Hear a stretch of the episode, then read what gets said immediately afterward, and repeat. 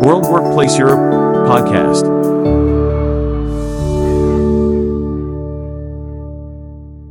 Hi, guys. Uh, good morning, or even good afternoon now. So, welcome to. Workplace Europe. So, Thank we've, we've got a chance to talk about facilities management and support services, which I think is really, really exciting for Compass Group. So, the title for today's conversation is Compass Now Support Services. And uh, I think before we kick off, Jacqueline, it'd be great if you could introduce yourself. Yeah, sure. Uh, Jacqueline van Beek. I'm a managing director for the Netherlands uh, with Compass Group and with the company now for three years. Fantastic. David? And David Hogland, yeah, I've, um, I'm with Compass Group North America, delivering support services ac- across the US. Um, I've actually been with Compass for 20 years now. Started in the UK and somehow ended up in the States. Um, I was asked to come up with a, a, a funny fact. I actually started life as a pipe fitter welder. so you could say that I've been in this industry since the age of 16 when I started. Wow. And now I'm getting close to 60, which is getting rather scary to be Still honest. with years to go, David. Don't worry. And and of course, uh, my name is Mauro Ortelli, so I'm the managing director of 14forty, which is the support services business in the UK. So. Uh, yeah, delighted to be in Rotterdam, and what an amazing city, and a great dinner we had last night. so uh, we've got half an hour to have a chat about uh, support services, and I thought um, you know we could probably cover a couple of topics. Um, and I'll ask a few questions, you know, and of course I'll pitch in and uh, give my opinion as well. As you know, I like to talk a lot.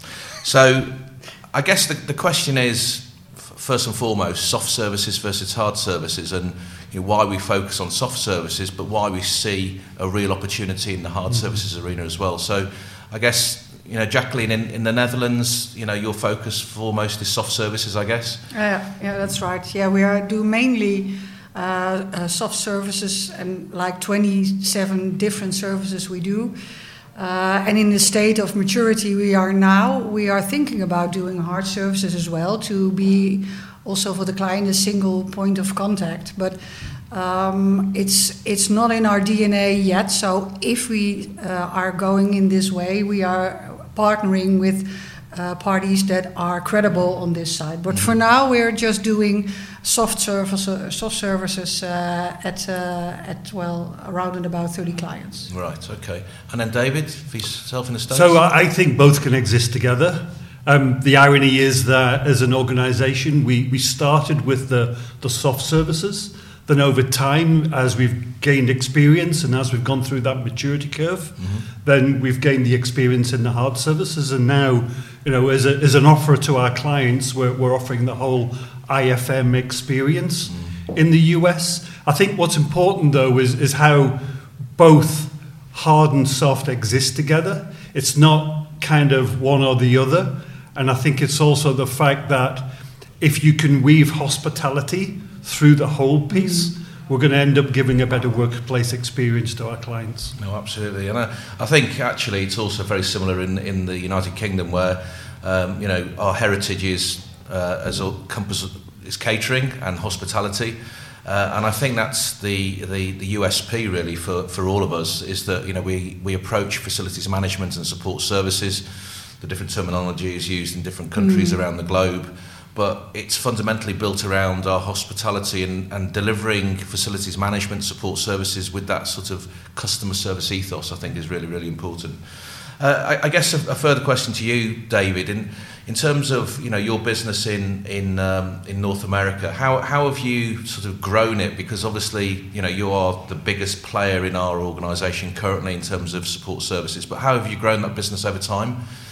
I, think it's again we've we've developed those experiences by that going through that learning curve and that maturity curve from just soft services into hard services. But as we've gained new clients, as we've bolted on clients, and, and as we've expanded our experience and the services we offer clients, it's enabled us then to, to generate this centre of excellence group that again has enabled us to show the experience that we have and the professional side of what we do and the experience we do to, to our clients. And mm. that has led to the growth. And actually, you know, over the last four or five years, the growth has been kind of double digit through through the business.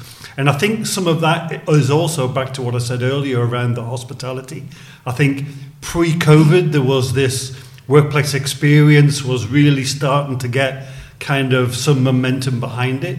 That all of a sudden COVID came and everybody went to work from home. And I was just in a session now where they were talking about, you know, the whole return to office and how do we get back people into the office and how people are actually more productive at home and how can we get them as productive in, in the office. So I think hospitality and a re-engagement in the workplace experience is really going to be what's needed. And organizations like ours are, are ideally positioned. And that's been, again, part of this growth trajectory for us is, is, is, is being around this hospitality and that being within our DNA. Yeah, but I also think that it's not either or. It's just going together and see what's the question of the client, what are what are his needs, uh, and how ca- can you make a unique propositioning, uh, uh, and how can we add value to the client in what he wants to achieve, and then you can see what arrangement is best for the client, or whether it's hard or whether it's soft, and then I agree that the connecting dots are our hospitality DNA, which we have on, hmm. on, on food, which makes the difference. And I think we are seeing, and we're seeing signs of it now from clients where, you know, they've gone through that maturity curve where they've single sourced services, they've bundled the services, they've they've gone down the whole IFM, TFM route, whatever we want to call it, and now they're looking, going, okay, I'm still not getting the value. Exactly. What I need is those experts that are going to be able to deliver the business. And, you know, depending on where you are in the world, those experts might be back to single sourcing mm-hmm. because that's the, the, the, the maturity of the business in that Yeah. country. Or it might be into the bundling of the soft, it might be in the bundling of the hard. I, I think the, the, the market is still trying to find itself. Absolutely. I think um, you touched on something which just made me write down the question actually, which is uh, it's the terminology we use, isn't it? You know, I think e- even you know, you know, we're three individuals from three different parts of you know our business, and the terminology is different. Do you think that complicates matters for, I guess, the people buying our services? A- Absolutely. And I mean, we spoke about this yesterday how, you know, just within Compass, we should just have this lexicon that kind of we all agree to, mm-hmm. and that's the terminology we'll use. Exactly. Because it, we do. I mean, the, there's so many acronyms and different meanings for things that you, you, you can get lost. Absolutely. But I think fundamentally, I think the most important thing is this hospitality heritage, isn't it? I mean, I'm, you know, my, my experience, you know, starting off before I moved into facilities management was in, in the hotel industry. And I think we're all of the same, in the, on the same page that this is, we're effectively running buildings are hotels without beds. So this is providing Uh, that absolutely. That's hospitality exactly what hotel is. service, managing those harder and softer elements, but actually not having the bedrooms that we need to we need to service as well, which uh, is, is a godsend. Um, in terms of sort of trends within the industry, I mean, what are you seeing, uh, David, in, in North America? Uh, technology. Um, we've got the whole, and I know we're going to come on to it, but the whole piece around sustainability and the environment. Yeah. And you know, the the more I look at that, it, it's not about it being a sprint. It's about a marathon because that's going to be with us for the next 20, 30 years. Um, diversity and inclusion is massive. In, in, in particularly in North America, as you can imagine, but I think it's the same uh, uh, around the world now that we need to have a lot more diversity and inclusion in the industry. And I think, you know, and, and people don't talk about this a lot, but I, I'm really seeing now, and maybe it's just because of where I came from. Now, I started life as an apprentice. I think we're seeing a real skill shortage, Yeah. particularly when you look at the trades. So, you know, we've got people that left school like I did in the 80s that went to and got an apprenticeship, learned a trade, then went and applied that trade in, in their working careers. Mm-hmm. We've got now where people were coming out of college and out of school in the 90s and in the in the 2000s basically instead of going to trade school they're going to work for the technology companies like Google or Facebook or whomever Yeah. and now all of a sudden we've got a 20 year gap where those trades are starting to those tradespeople are starting to retire Yeah. and there's no there's nobody to fill the gap now so i mean i was talking to actually my wife's parents at the weekend because my father-in-law is a he- he's from a, a- a building background And he was telling me that now bricklayers in London can earn up to £100,000 a year mm. as a bricklayer. Yeah. I mean, you think about coming out of trade school and being able to go into a role like that. Yeah. And instead of going into a, a 30,000 technology job, yeah. I mean, it, it's really becoming desirable, but you've got to go through the training. And for me, you know, we've got ESG, we've got D&I, but I do think there's, there's, there's a skills gap that's really going to be painful mm. in the years to come. Mm. And then, Jacqueline, how, how do you think um, support services plays out in, in, in your country? I mean, how is it how is it considered as a as a as a service? Is it understood? Do you think? yeah, it's an understood business uh, uh, model, and I think due to COVID, it even became more serious because when COVID hit us and also all uh, caterers, then revenue dropped like like amazing, mm-hmm. and we all survived due to uh, due to our services propositioning mm. because well everything had to be uh, uh, cleansed and everything had to be more intensive than there before so mm. that really also was a shift within our own organization in the importance of uh, of facilities and what you see as well is that Data is getting even more important because it's not only services, but how can you prove and what's the effect, mm. and and how does it add on in uh, in doing these uh, uh, these these services, and it's all about like food as well. It's all about people. So I think our approach. Uh, is not only about bricks and about making savings, it's about people and how can we um, get the touch points clear from the moment they leave the house and they go into the working environment. How can we make those touch points lighter and enjoyable yeah. from the moment they leave till they get home? And I think also COVID helped in making this more important mm. in having the workplace as a, a second home yeah. and a place that you can enjoy and be inspired and by by delivering food but also delivering services we can really make a difference there yeah absolutely and i think um, I think you touched on something that's really important. We, we, we are the glue, I think. You know, people that provide support services or facilities management to, to our clients are the glue that holds those, those businesses together with a kind of silent service that's unseen in many aspects. I think following the pandemic, certainly mm. in cleaning, we were expected to be more overt and upfront so people saw that what we were doing and exactly. people felt more secure. Um, but to your point, you know, it is about all of those touch points through every minute of the day, which and I didn't prep you for this, but leads me into a great little conversation about uh, there are be, there being 1,440 minutes in a 24-hour period. Hence why uh, 14forty exists because we touch everything uh, every minute of the day for all of our people. And by, the, by all of our people, I mean both our customers and our clients and our exactly. own employees as well. Um, in terms of, I guess we've we touched on trends, um, but you know one of the the big things that we're seeing certainly um, today at, at the, the, the conference is um, some robotics as well.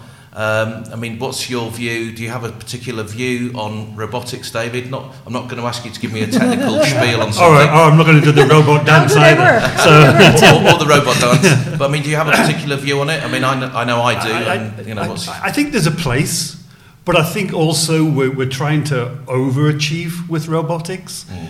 And you know you can never replace that human touch. Exactly. It, it, you need to have whether it's in the, the food service, whether it's in you know the, the other services we deliver. There's always going to be a need for that human experience. Mm-hmm. Again, we're, we're, we're, hospitality. It's about interaction with people. Yeah. Robots don't interact with people in the same way as humans do. Mm-hmm. So I think there's a place for robotics, but I don't think we can become overly dependent no. on them. No, and I think Jacqueline, you're on you're on the, the real start of that journey, aren't yeah. you? So I won't yeah. ask you that question specifically. I know in the UK, a bit like yourself, David, you know that there is a mindset that you know robots will are the panacea that will fix my problems. Mm-hmm. I think you know the, the cost of that technology is probably still a little bit too high to be uh, to really drive out lots of savings, but certainly to take away from the mundane tasks uh, and, and to add value to what the, the human being can do, the cleaning operative that's working, it'll certainly provide a benefit. You know, so those long corridors, those big logistics centres, you know, that big bit of kit can go up and down in a safe way, you know, deliver some excellent cleaning, but actually then our individuals, our, our staff members, you know, that are working for our clients can then add mm. that added value. And I think, you know, I think we're all on that same page. It is, we are a people-based organisation, mm. so mm-hmm. uh, it is very much about people and planet, isn't it?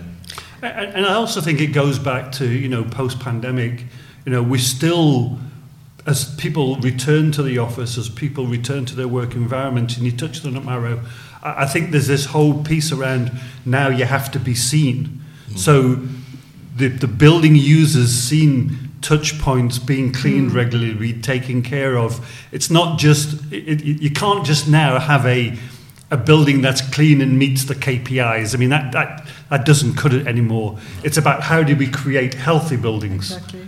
And, and that's what will also help drive people back to the office. And I don't think robots actually do that. No, but I also think that ro robots will never replace human beings. But and we have do have a scarcity of personnel mm -hmm. for now in the Netherlands. So maybe it's an add-on with this scarcity yeah.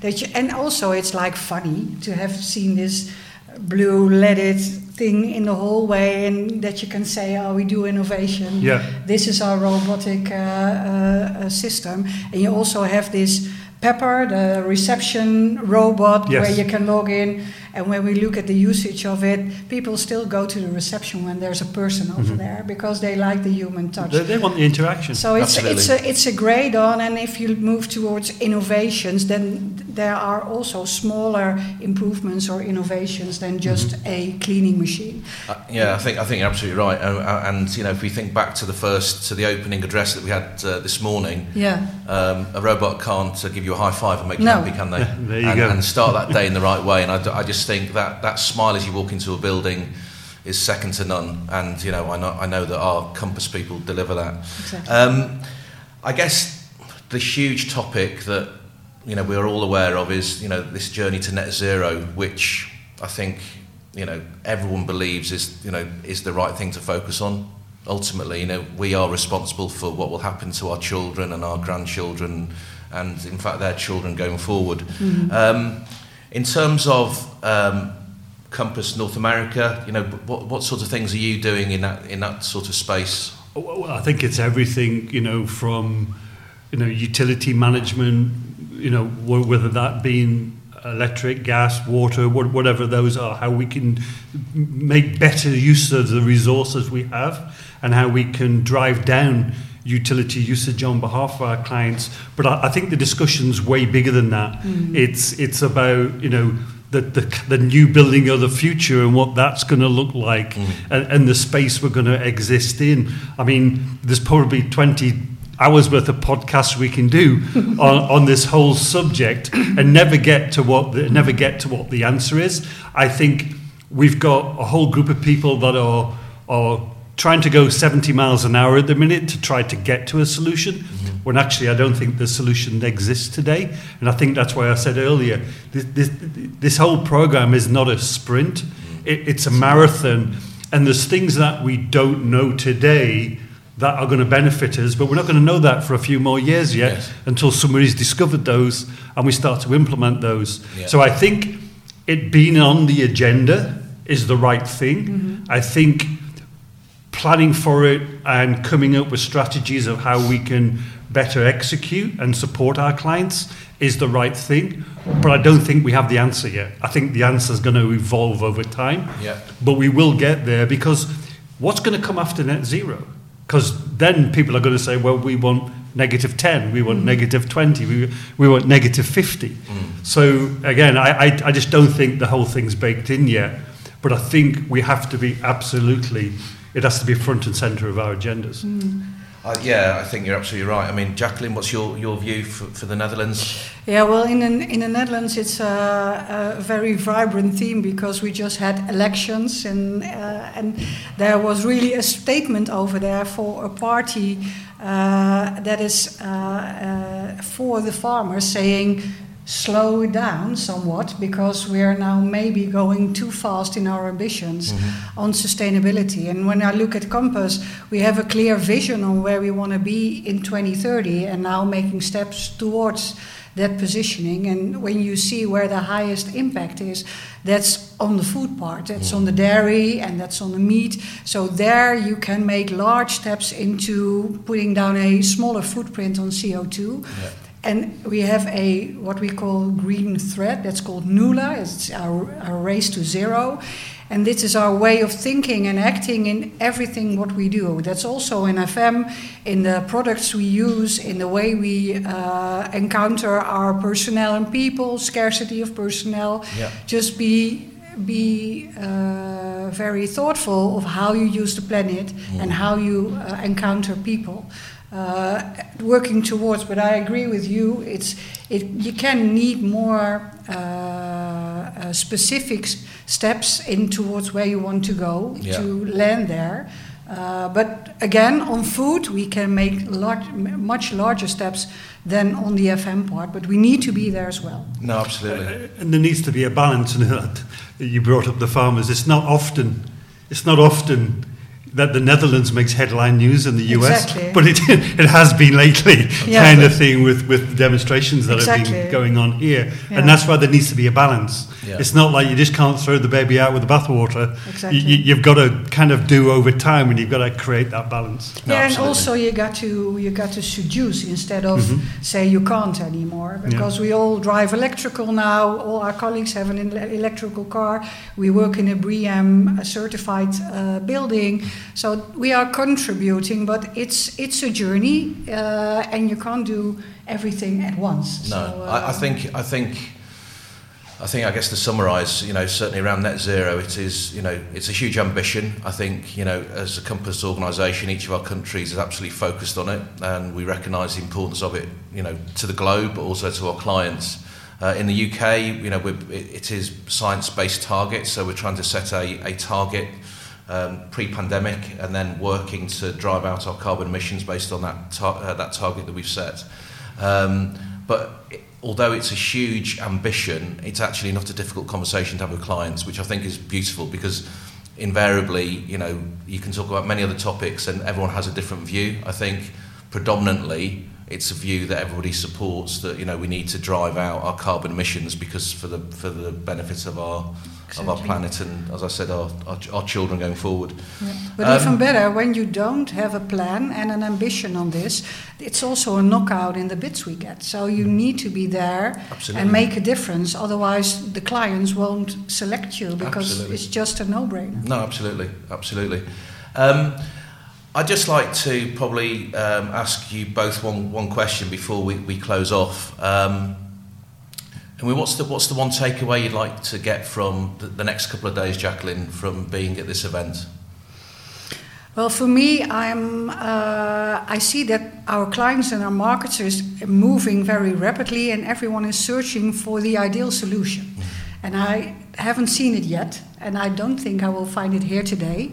But I try to get more answers in okay, but what is it then? What are we shifting to?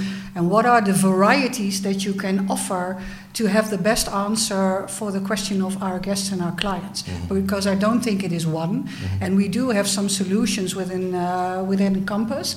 But yeah, to get ex- inspired with things I haven't thought about yet, uh, and I can uh, put into practice from from next week. Fantastic. And David? For me, it's just having that connectivity with the people. I think that we talked about that. That was the pre-opening address this morning.